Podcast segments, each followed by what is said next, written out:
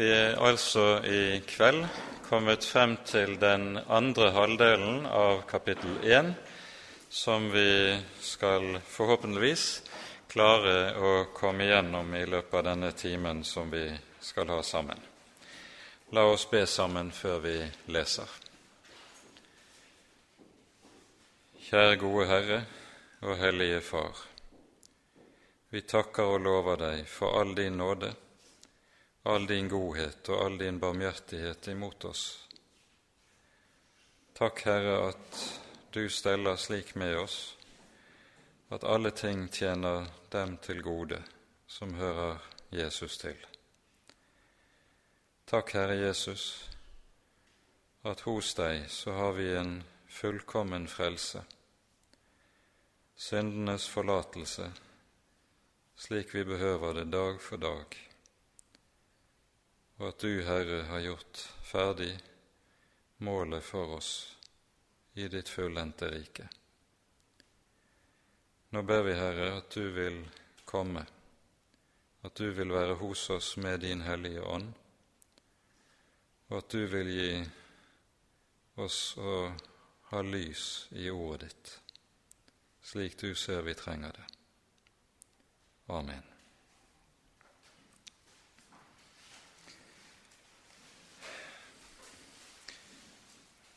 Vi eh, begynner da i kveld med å lese fra vers 16 av i det første kapittelet i Jakobs brev, og leser da ut kapittelet i Jesu navn. Far ikke vil, mine kjære brødre, all god gave og all fullkommen gave kommer ovenfra, fra lysenes far. Hos ham er ingen forandring eller skiftende skygge. Etter sin vilje har Han født oss ved sannhetens ord, for at vi skal være en førstegrøde av Hans skapning. Vit dette, mine kjære brødre. Hvert menneske skal være snart til å høre, sen til å tale, sen til vrede. For manns vrede virker ikke det som er rett for Gud. Avlegg derfor all urenhet og enhver rest av ondskap, og ta ydmykt imot ordet som er innplantet i dere, og som er mektig til å frelse deres sjeler. Men vær ordets gjørere, ikke bare dets hørere, ellers vil dere bedra dere selv. For dersom noen er en ordets hører og ikke dets gjører, da ligner han en mann som ser på sin, sitt naturlige ansikt i et speil. Han så på seg selv og gikk bort og glemte straks hvordan han så ut. Men den som skuer inn i frihetens fullkomne lov og fortsetter med det, slik at han ikke blir en glemsom hører, men gjerningenes gjører. Han skal være salig i sin gjerning.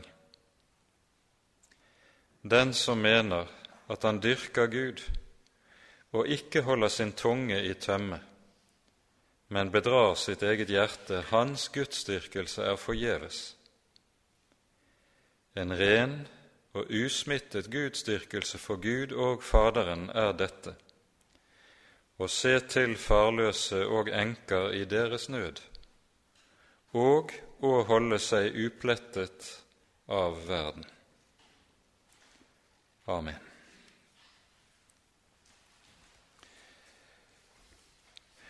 Med dette avsnittet så begynner vi på den første, la oss kalle det formanende, hoveddelen av Jakobs brev. Det innledende avsnittet som vi har lest forut for dette, tar for seg mer allmenne forhold med det kristne liv, først og fremst en kristens trengsel, og dernest en kristens fristelser, og tar dette opp i mer eh, allmenn forstand, om vi kan si det slik. Og så eh, er det da slik at de første tre versene vi nå har lest, vers 16 til 18, så å si utgjør en overgang mellom det innledende avsnittet og det som følger fra vers 19. Vi skal merke oss to ting med det vi hører i vers 16. For det første er det tiltalen som vi her hører Jakob anvender overfor eh, adressatene sine. Mine kjære brødre. Han nøyer seg ikke bare med å si brødre, som i en kort form, eller mine brødre, men han sier altså mine kjære brødre. Og Med dette legger han for dagen en inderlighet i, overfor eh, brevets mottakere som understreker fellesskapet som de står i. Det er som slike som står sammen i det troende fellesskap, og som har del i den samme Kristi kjærlighet, den kjærlighet som er et særlig kjennemerke for den kristne menighet, det som sådan eh, Jakob skriver til menighetene. Det andre vi skal merke oss, det er dette uttrykket 'far ikke vil'. Bokstavelig hadde det kanskje vært bedre å oversette 'gå ikke vil'. For uttrykket som her anvendes, det betyr nettopp å gå vill. Og baken, bakom dette ligger bildet av veien. De troende er på veien, og så advares de mot å gå seg vill fra det som er veien. I apostlenes gjerninger hører vi en rekke steder at den kristne tro rett og slett kalles for veien i bestemt form. Det er det uttrykket som anvendes. Og Her eh, anvender Det nye testamentet et begrep som var uhyre betydningsfullt i datidens jødedom, like som det har vært det siden. For sammen med begrepet 'veien' hører begrepet 'vandring'. Vandringen. Og dere vil alle være kjent med, tror jeg, eh, hvilken eh, betydning dette ordet 'å vandre' har i Det nye testamentet, og hvor hyppig dette ordet dukker opp. Dette ordet dukker også opp i, eh, og er meget viktig i jødisk tradisjon. Det hebraiske ordet som ligger bak, et stående begrep. Det kalles halacha, som rett og slett betyr vandring. Og I jødedommen så sikter halacha til budene som Eh, den fromme jøde skal etterleve. I den kristne tro så har dette begrepet fått en helt annen betydning og mening. Fordi Jesus jo sier i Johannesevangeliet 'Jeg er veien, sannheten og livet'. Og Dette står der i veldig klar kontrast til det som var en grunnleggende sannhet, og er en grunnleggende sannhet fortsatt innenfor jødedommen, der en sier at det er loven som er veien, Toraen som er veien.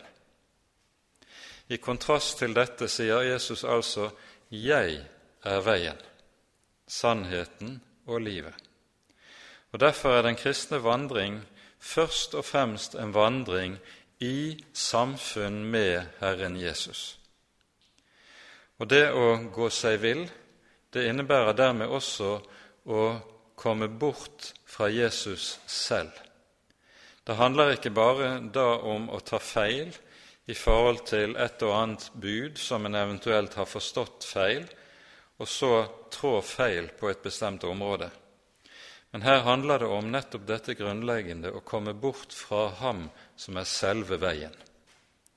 Det er det som er tankegangen i eh, Det nye testamentet, og som Jakob også taler om i denne sammenheng.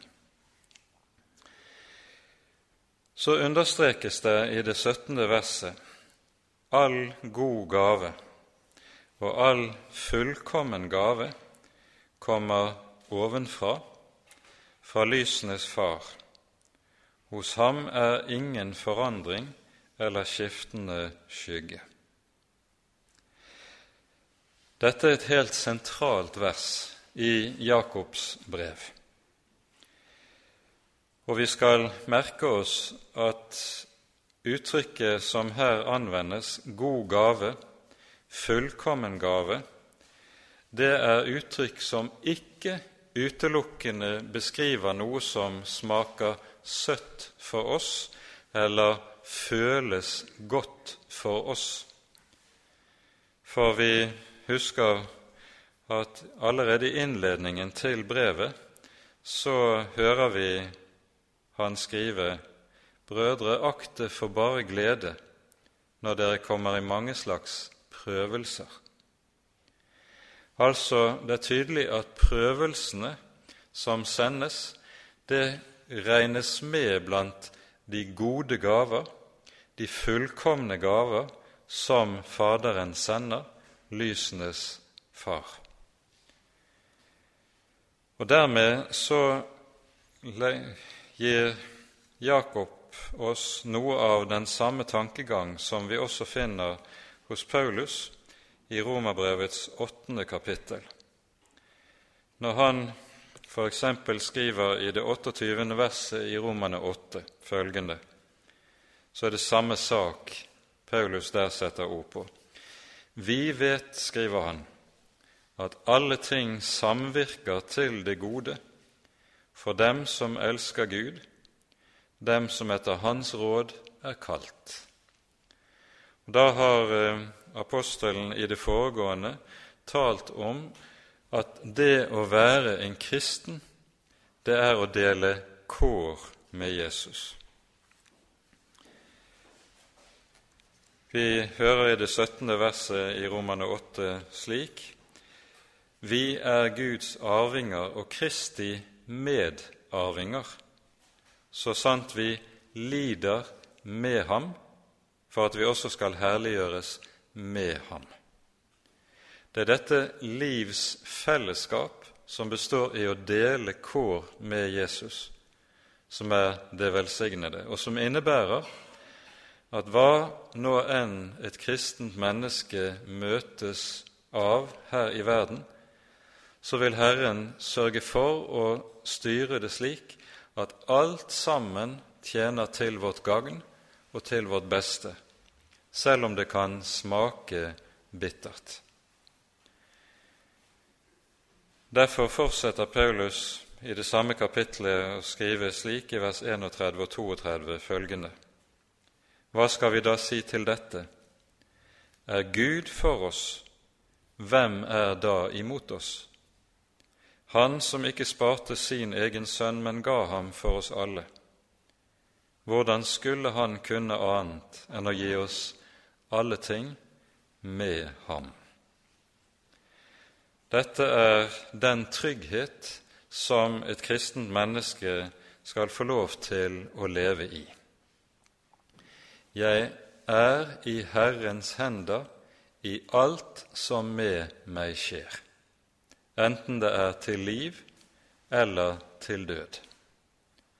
Og dette er avgjørende å være klar over. Alt dette er altså det som kommer ovenfra. Og nå hører vi i andre halvdel av det 17. verset at Jakob eh, anvender uttrykk som var hentet fra datidens astrologi. Når det står når Gud kalles lysenes far, så er uttrykket som brukes i grunnteksten, et uttrykk som sikter til himmellysene. Eh, han bruker samme eh, terminologi som vi finner i skapelsesberetningen i Første Mosebok 1, der det står om at Gud gjorde de store himmellys på himmelhvelvingen, når det taler om sol og måne og stjerner.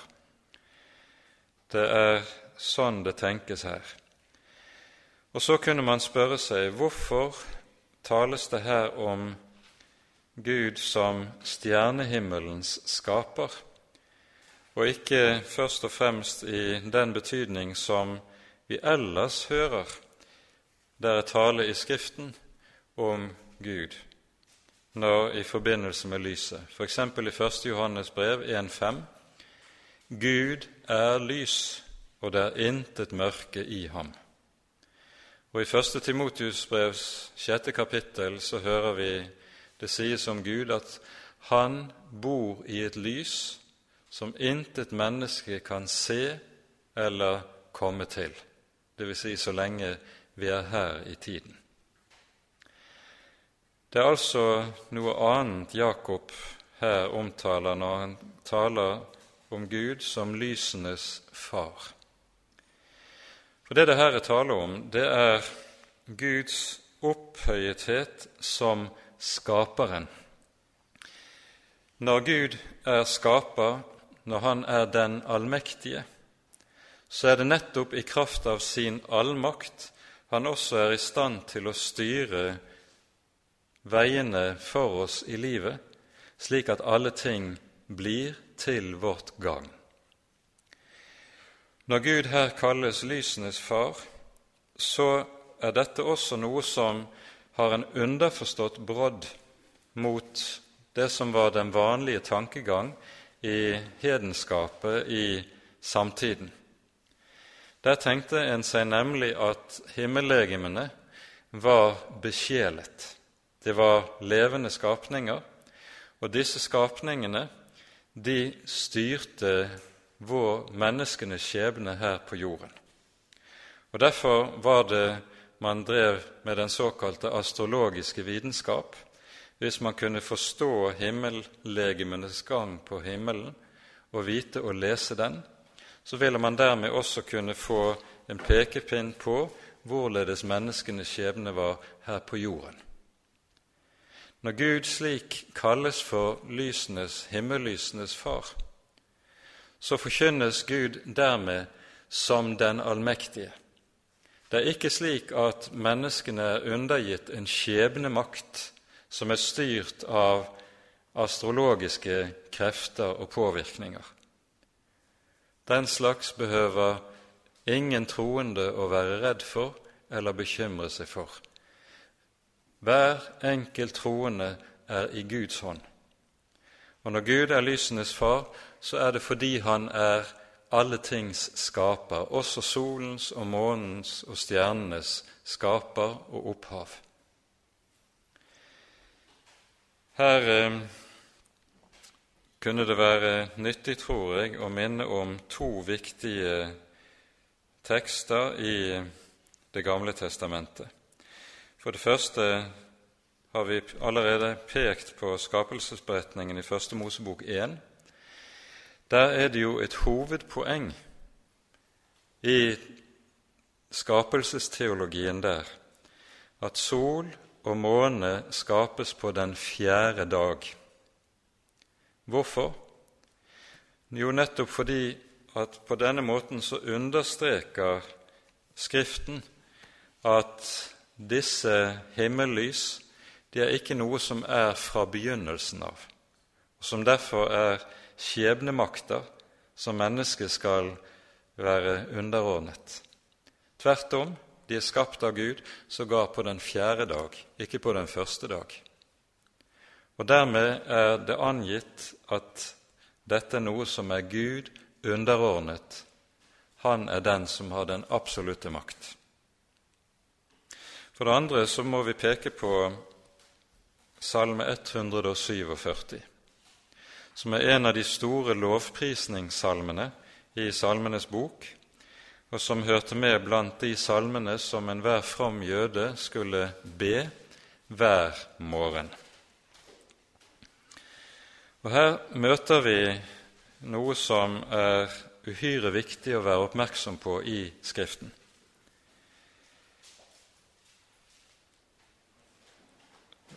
vi for sammenhengen sin del så leser vi fra vers 2 til vers 6 i salmen. Herren bygger Jerusalem. De bortdrevne av Israel samler Han. Han helbreder dem som har et nedbrutt hjerte, og forbinder deres smertefulle sår. Han fastsetter stjernenes tall, han gir dem alle navn. Stor er vår Herre, han er rik på kraft, og hans forstand er uten mål. Herren holder de nedbøyde oppe, men de ugudelige bøyer han til jorden. Hva er poenget med dette? Her hører vi i vers 4 at Gud omtales som skaperen. Han fastsetter stjernenes tall. Han gir dem alle navn. Og så hører vi både i det foregående verset og det etterfølgende verset at den Gud som altså styrer himmelhvelvingen og stjernenes gang, og som er alle tings opphav og skaper, han er samtidig den som bor i det dype, hos den som er nedbrutt, sønderknust, for å ta seg av det enkelte lille mennesket i det dype, i det lave. Og slik forkynnes Gud for oss som den som så å si forener disse to grunnleggende perspektiver. Jesaja 57, 15 er vel det bibelske grunnordet til dette. Så sier Herren, i det høye og det hellige bor jeg, høyt opphøyet i herlighet, og hos den som er sønderbrutt og sønderknust av hjertet, for å gjøre de sønderknustes hjerte levende. Slik at dette er noe som er et grunnleggende kjennetegn på Bibelens tale om hvem Gud er. Han er både den som troner i det høye og det hellige, den allmektige og evige, og den som bøyer seg i det dype og tar seg av den lille, det lille mennesket i dets dype nød. Begge deler. Dette er det bibelske gudsbildet som Jakob minner om ved å skrive på denne måten som han gjør i verset, vers 17 i det første kapitlet. Og når det understrekes, som vi hører her, hos ham er det ingen forandring eller skiftende skygge, så er dette også uttrykk som er hentet fra astrologien. Det er uttrykk som anvendes f.eks. om solens oppgang og nedgang, om månens formørkelse eh, osv., om årstidenes skiftning. Det er den typen eh, begreper som anvendes i denne sammenheng. Og Med det understreker Jakob dette at Gud er den evige og den evig pålitelige. Det er ingen lunefullhet hos Gud. Han er ikke uberegnelig. Han er ikke nykkefull, sånn som mennesker kan være, og han vakler ikke hit og dit fra det ene til det annet. Og nettopp denne Guds trofasthet, som slik er til å stole på. Det kommer til uttrykk i Bibelen med at Gud er den som inngår pakt med sitt folk. Pakten som vi hører Herren gå inn i med sitt folk, dette, les, dette grunnsannhet både i Det gamle og Det nye testamentet. Det er noe som er helt særegent for den bibelske Guds åpenbaring.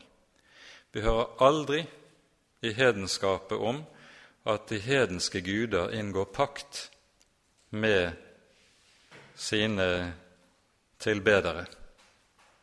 Tvert om, det vi kan se hos de ulike hedenske guder, er nettopp at de er uberegnelige. De er lunefulle, Man kan aldri være helt sikre på dem, for en vakker dag kunne de godt finne på å begynne å leke med et fattig menneske, slik som katten leker med musen. Dette var hedenskapets guder, og derfor ga hedenskapet aldri et menneske trygghet. Det Gud gjør, det er at han går inn i pakt med sitt folk. Og pakten innebærer at Gud lover bestemte ting der han binder seg selv til å gjøre hva han har lovet. Pakt er et begrep som betyr nettopp å binde. Og Gud binder seg selv for at mennesket nettopp skal kunne stole på ham og vite hvem de har med å gjøre.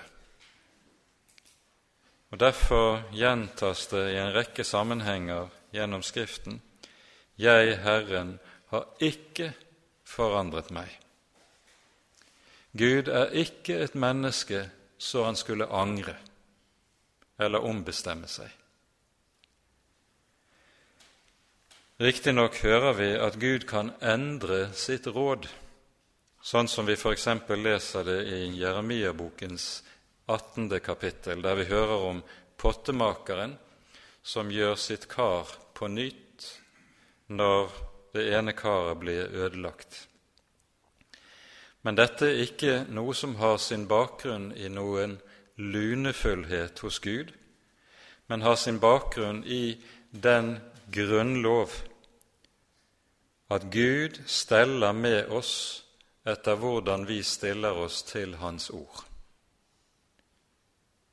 Et menneskes forhold til Guds ord er det som avgjør hvordan Gud stiller seg til meg. Og Derfor hører vi at f.eks. profeten Samuel sier til Saul fordi du har forkastet Herrens ord, har Herren forkastet deg.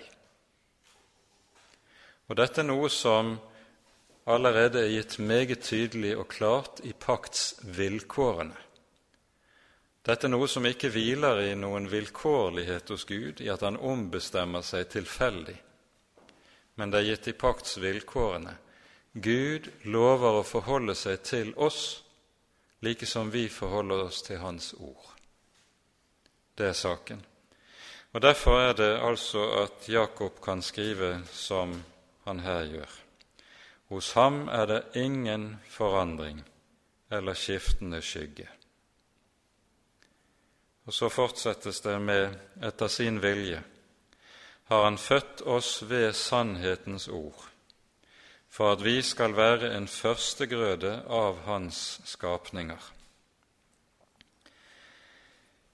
Her hører vi at Jakob peker på den sannhet som Jesus også har understreket i Johannesevangeliet i samtalen med Nikodemus.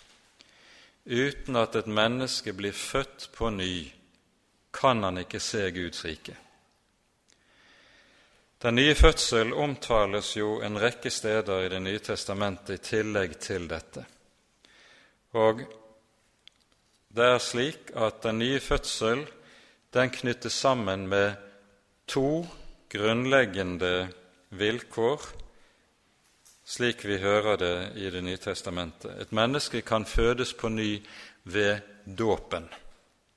Det er det vi hører i talen Jesus samtale med Nikodemus, og som Paulus gjentar i Titus brev i det tredje kapittel.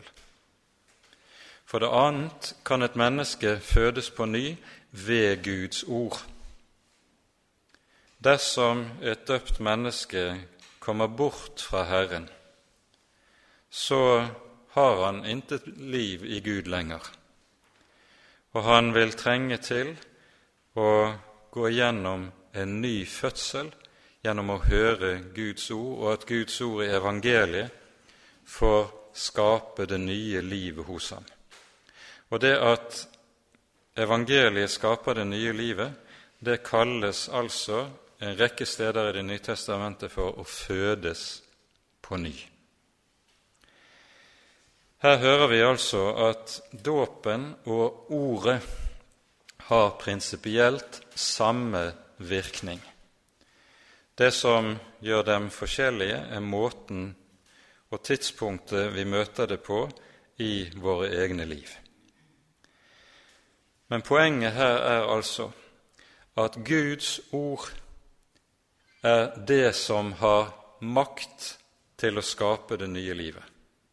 Dette er noe som ikke ligger i våre hender. Det er ikke noe som et menneske kan bestemme seg til ved å ta seg sammen og fatte en beslutning. Nei, det er Ordet selv som skaper det nye livet. Og Derfor er hemmeligheten i Guds rike nettopp et ord, det ordet som er gitt oss i evangeliet om Jesus. Etter sin vilje har Han født oss ved sannhetens ord. Uttrykket 'sannhetens ord', som vi møter her, det er fundamentalt i vår bibel. Vi skal ikke bruke mye tid på det her, men bare minne om at når Jesus står for Pilatus og avlegger sitt siste vitnesbyrd, så spør Pilatus, så er du da konge? Og Jesus svarer, jeg er dertil født og dertil kommet til verden for å vitne for sannheten. Hver den som er av sannheten, hører min røst. Og legg merke til denne uttrykksmåten. Hver den som er av sannheten, hører min røst. Det grunnleggende kjennetegnet på et kristent menneske, det er altså dets hørsel. Når det står her en hensiktssetning for at vi skal være en førstegrøde av hans skapning, så anvender Jakob et bilde som vi møter en rekke steder i Det nye testamentet. Førstegrøden var ifølge lovgivningen i Mosebøkene noe som hørte Gud til. Når markens grøde begynte å modnes, så skulle det første, som alltid også var det beste, det var noe som hørte Herren til. En skulle altså ikke begynne å høste inn det første og selv begynne å nyte godt av det, men det første hørte alltid Herren til. Det er førstegrøden.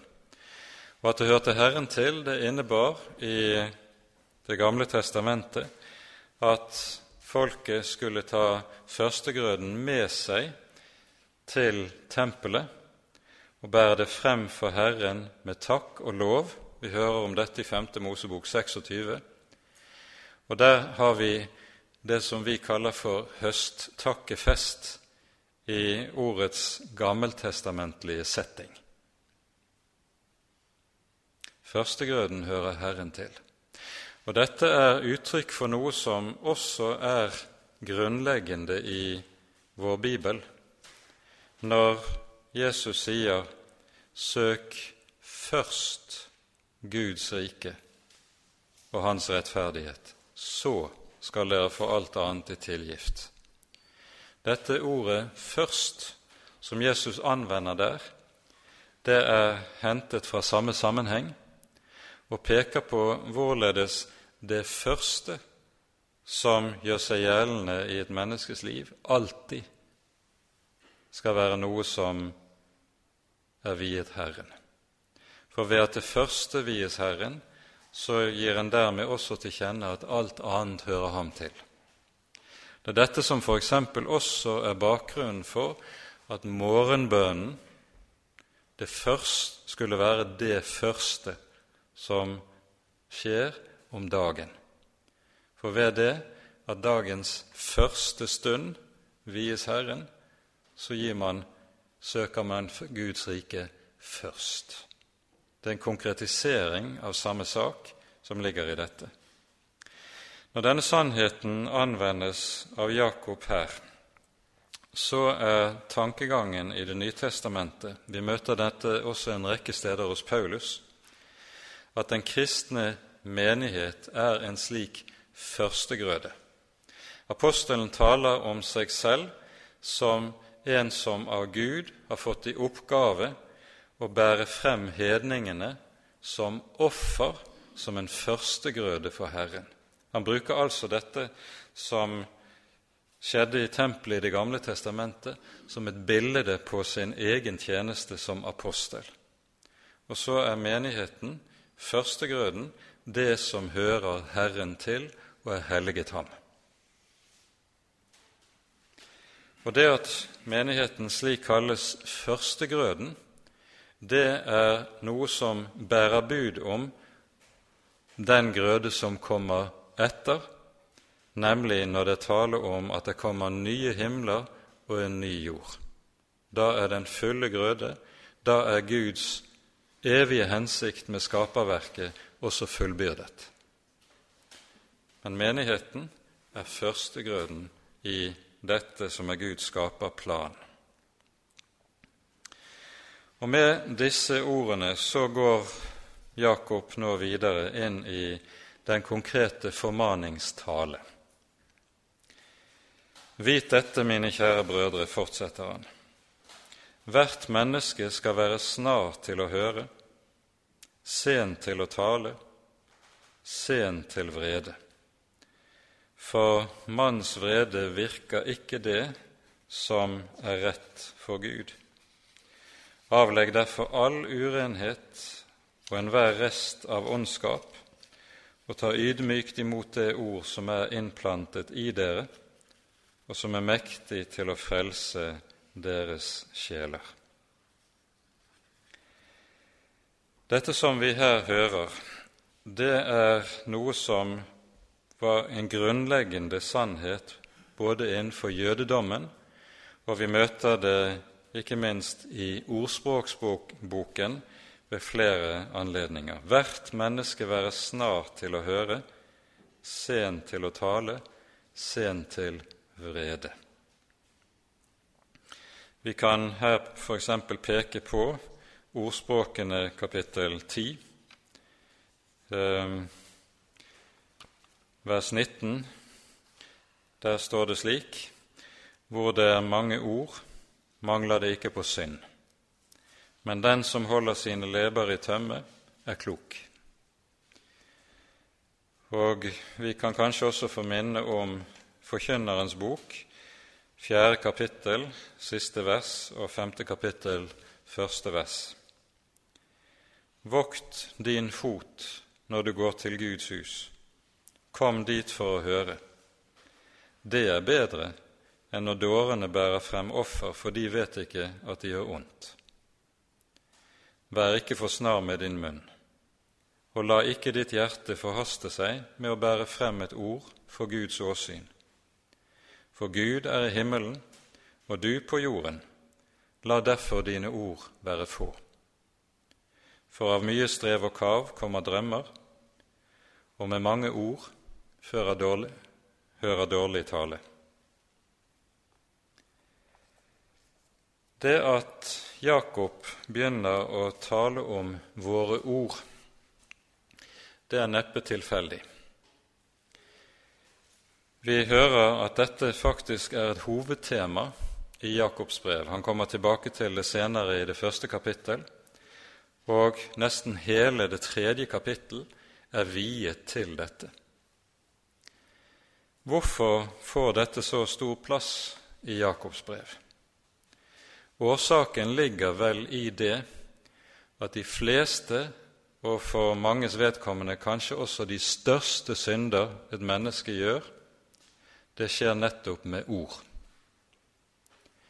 Våre ord er ord som vi ofte bare sier det er bare ord, men ordene våre er noe langt mer enn det. Med ordene kan vi ødelegge andre menneskers liv. Med ordene våre kan vi også velsigne andre mennesker. Og Derfor hører vi også at Jesus i Matteusevangeliets tolvte kapittel taler meget radikalt om hvorledes vi som hans troende skal tenke om ordene våre.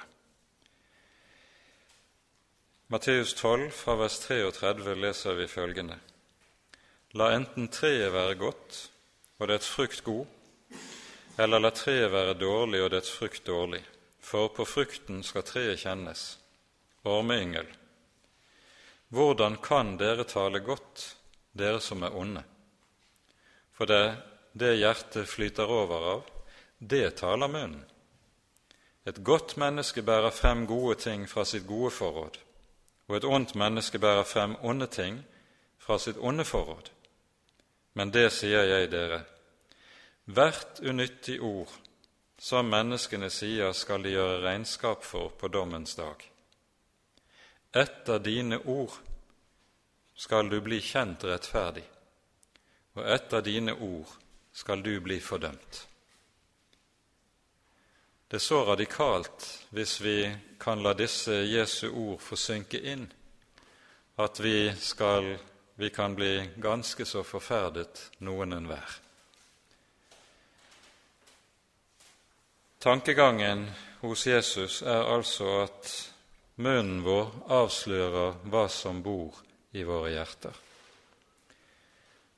Og så konkretiserer Jakob dette på sin måte hvert menneske være snart til å høre, sen til å tale. Og ikke minst understrekes det sen til vrede. Når det gjelder det siste, så er hissighet noe som Det nye testamentet advarer meget skarpt mot. I andre sammenhenger kan vi høre eh, Paulus ved flere anledninger understreke all slags hissighet være langt borte fra dere.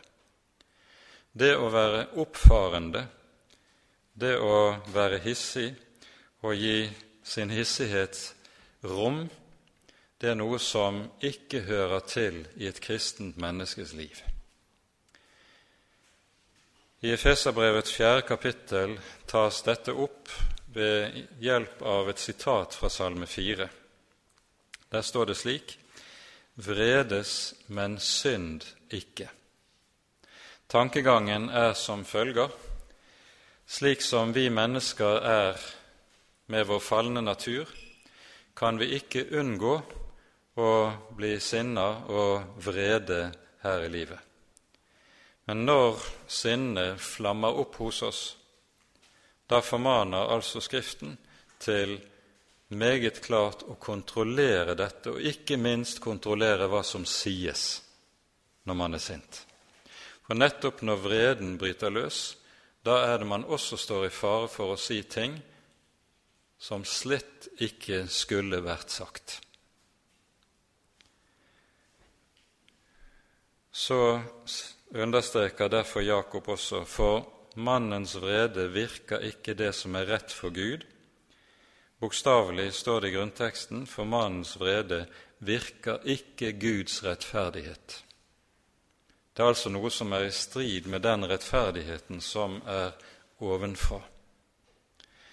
Det det taler om i denne sammenheng, det er altså at et kristent menneske, og det hører med til modningen helliggjørelsens modning. Et kristent menneske skal også bestrebe seg på selvkontroll, slik at han ikke blir en som så å si drives hit og dit av egne følelser og lidenskaper, som kan tenne, tenne oss opp, sånn som vi nok vet det og kjenner det alle sammen. Det som Jakob her har pekt på og talt om, det samler han så i vers 21 og sier:" Avlegg derfor all urenhet og enhver rest av ondskap. Altså, når han taler om urenhet og rest av ondskap, siktes det til det som er sagt i det foregående, når det taler om menneskets vrede, og når det taler om dette å la munnen løpe, sånn som en kan altfor lett gjøre det. Når det sies 'sen til å tale', så er det ofte sånn at mennesker kan unnskylde sin snakkesalighet, også kristne, med at 'jeg er jo bare spontan'. Men nettopp den typen spontanitet der det som slipper over leppene, ikke veies, det er noe som ikke er i tråd med Guds ord. Når det sies 'sent til å tale', så tenkes det nettopp på det du skal veie dine ord før du lar dem gå over dine lepper. Å ikke gjøre det kalles her altså for en rest av ondskap. Legg merke til også dette motsetningsforholdet som vi møter i vers 21. Avlegg derfor all urenhet og enhver rest av ondskap. Og hva er motsetningen til det? Å ta i motsetning til det imot ordet som er innplantet i dere. Her ser vi et trekk ved den nytestamentlige formaningstale som skiller seg radikalt fra det som du f.eks. finner eh, innenfor jødedommen. For her vil en sagt:" Avlegg derfor all urenhet og enhver rest av ondskap, og bestreb deg så på å gjøre slik og slik som er godt. Men her er altså motsetningen ta imot Ordet som er innplantet i dere.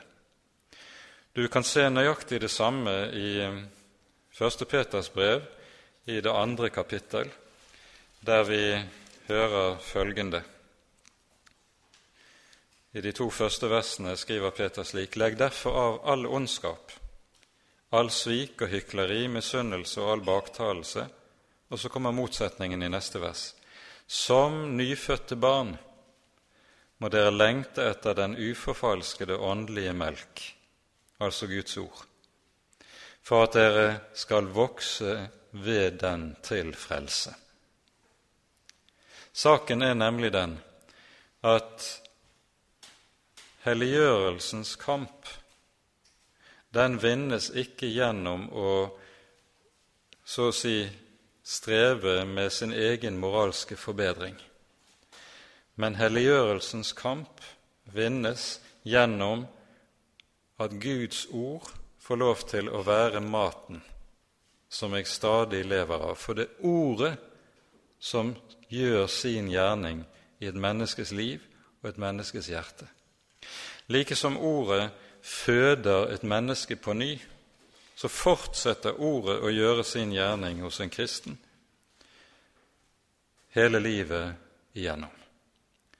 Og Derfor sier han altså ta ydmykt imot det ord som er innplantet i dere, og som er mektig til å frelse deres sjeler.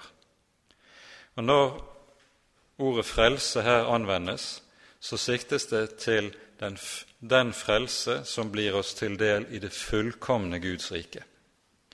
Ordet 'frelse' anvendes jo i to betydninger i Det nye testamentet. For det første i den vanlige betydningen som vi som kristne kan bruke ordet, nemlig når vi kan si at 'jeg er frelst'.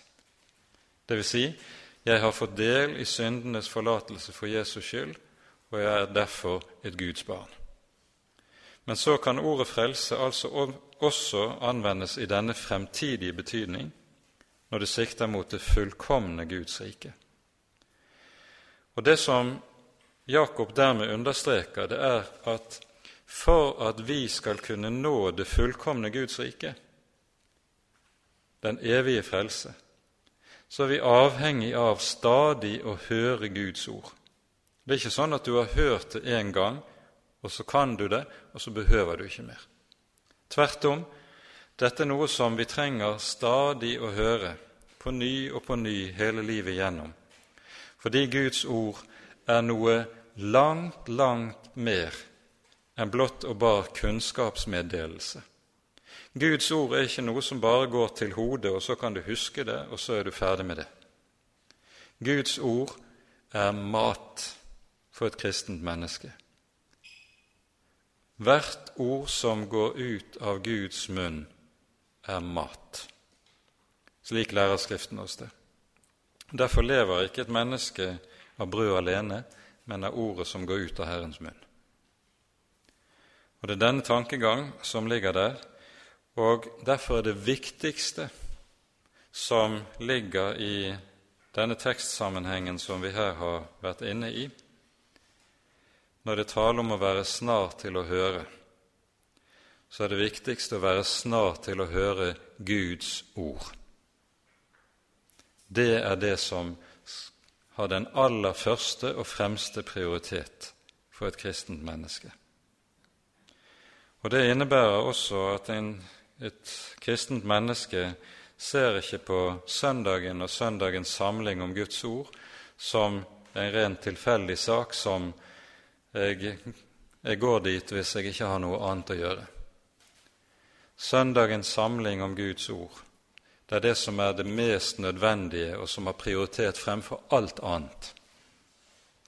Og Kanskje vi i denne sammenheng også skulle minne om at det tredje bud, du skal holde hviledagen hellig, det er ikke opphevet.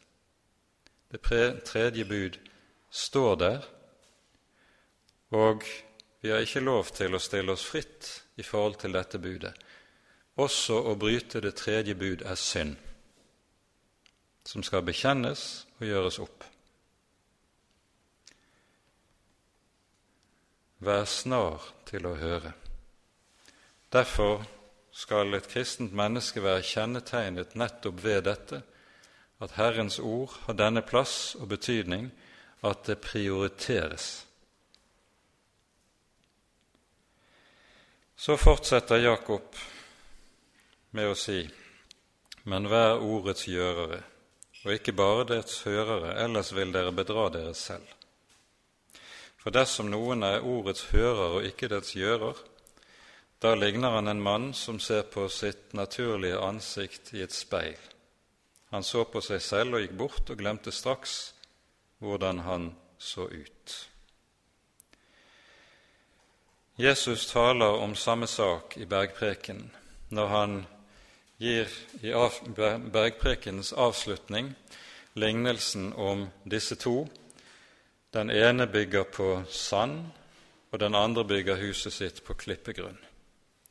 Vær den som hører disse mine ord og gjør etter dem, han er lik en mann som bygget sitt hus på fjell, sier Jesus. Men vær den som hører dem og ikke gjør etter dem, han er lik en mann som bygget huset sitt på sand. Og så vet vi hvordan dette gikk. Ordet er gitt for at vi også skal innrette oss etter det. Og Da er tankegangen dette som vi har understreket mange ganger under bibeltimene tidligere, at det er et kjennetegn på det gjenfødte sinn, det gjenfødte mennesket, at det gjerne vil leve etter Guds ord og etter Guds hellige vilje. Det er noe som det ikke ønsker å overse eller stå i motsetning til.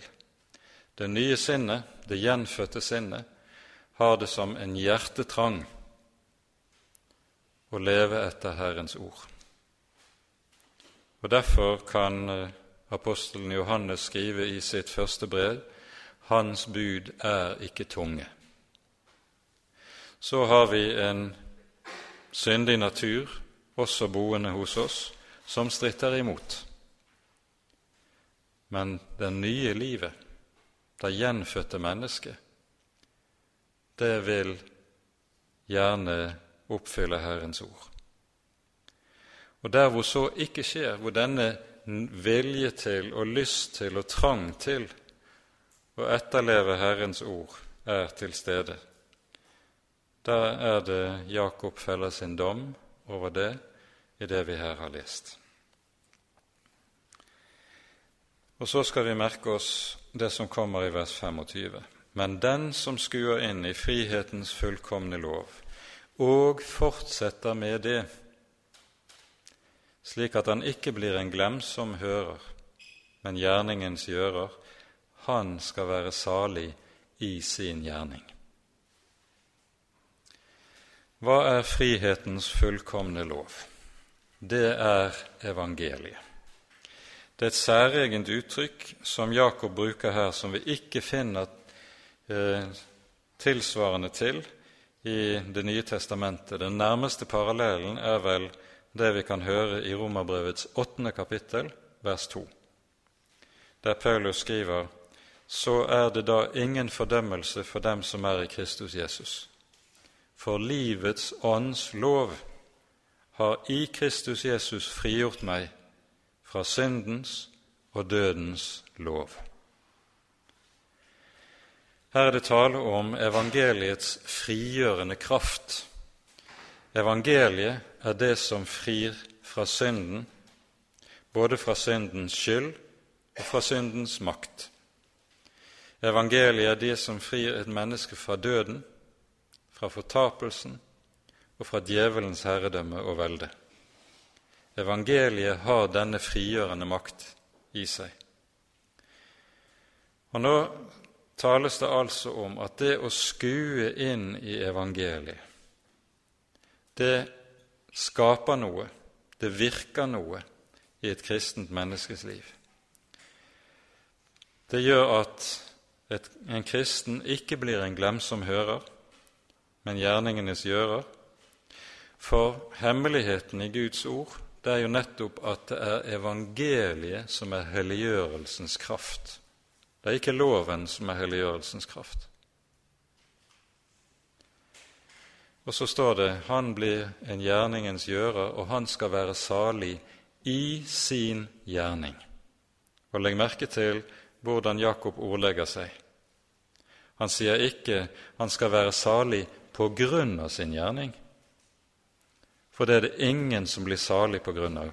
Vi blir salig på grunn av Jesu gjerning, men han blir salig i sin gjerning.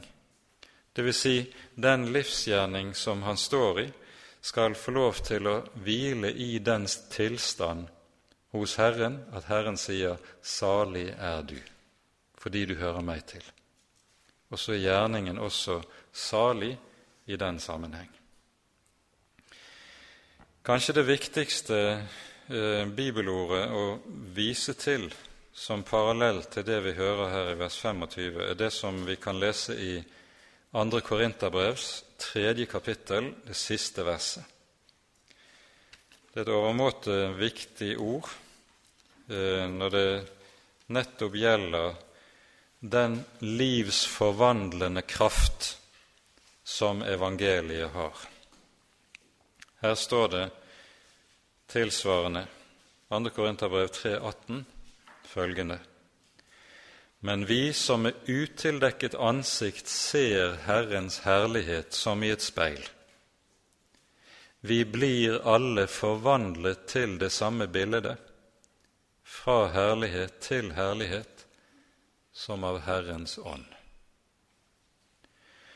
Noe som peker på hvor avgjørende det er for en kristen aldri å miste evangeliet av syne. Aldri å komme i den stilling at han tenker om evangeliet, budskapet om syndenes forlatelse for Jesus skyld, budskapet om forsoningen og stedfortrederen. Aldri komme dit hen at en tenker 'dette kan jeg', 'dette vet jeg, og derfor gidder jeg ikke å høre mer om det'. Nå vil jeg høre noe annet, noe nytt. I stedet sies det altså dette er noe som en kristen gjør gjennom hele livet, og som er hans bønn om stadig å få skue inn i evangeliets dype hemmelighet. For evangeliet er ikke noe et menneske kan. Så slutter dette kapitlet med disse to versene som vi hører til slutt, og vi behøver ikke å si veldig mye om det, for det som skal sies om dette, er i hovedsak noe vi har vært inne på. Den som mener han dyrker Gud, og ikke holder sin tunge i tømme, og bedrar sitt eget hjerte, hans gudsdyrkelse er forgjeves. Altså tilbake til dette som er sagt om tungen, tungens synder og våre ord. En ren og usmittet gudsdyrkelse for Gud og Faderen er dette, å se til farløse og enker i deres nød, og å holde seg uplettet av verden. Farløse og enker som nevnes her, det var de to grupper av mennesker som i oldtidens samfunn var de mest utsatte og mest sårbare, fordi det jo ikke fantes noe som helst sosialt trygdesystem eller sikkerhetsnett i samfunnet. En var henvist til enten at slekten tok ansvar for en, eller eventuelt naboers godhet. Fikk en ikke noen av delene, så var en henvist til et jammerlig liv hvis en var enke, hvis en var faderløs. Og Derfor taler også Det gamle testamentet så uhyre meget om at det er nettopp disse som sto aller svakest i samfunnet, som også lå Herren på hjertet. Det er de han i særlig grad tenker på og vil ta seg av og har gitt løfter for.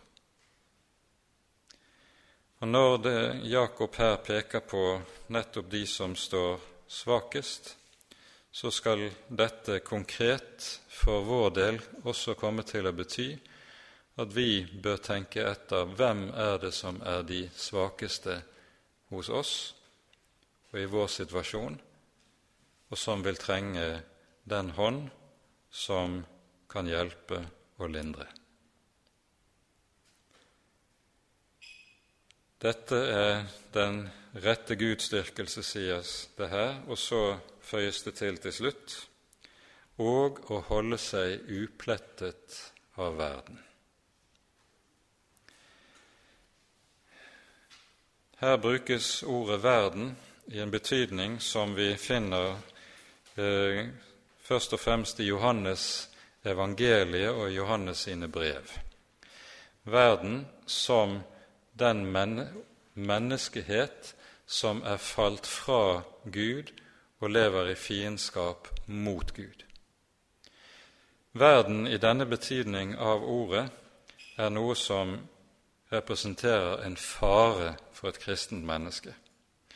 Bibelen taler jo også om verden i en annen betydning, nemlig i betydningen den skapte virkelighet. Som skaperverk, som noe som er fremgått av Guds hånd, er verden god. Men når ordet altså brukes i denne særlige betydning, nemlig den falne menneskehet, da er det et etisk kvalifisert uttrykk. Verden er ond, og verden ligger i det onde fordi synden har herredømme over menneskene. Og det å holde seg uplettet av verden hører altså med til som en del av en kristens helliggjørelse. Dette kommer Jakob videre inn på i det fjerde kapittel, og vi skal ikke dvele ved det nå. Eh, det er det heller ikke tid for. Og Da setter vi punktum for dagens bibeltime. Ære være Faderen og Sønnen og Den hellige ånd, som var og er og være skal, en sann Gud, høylovet i evighet. Amen.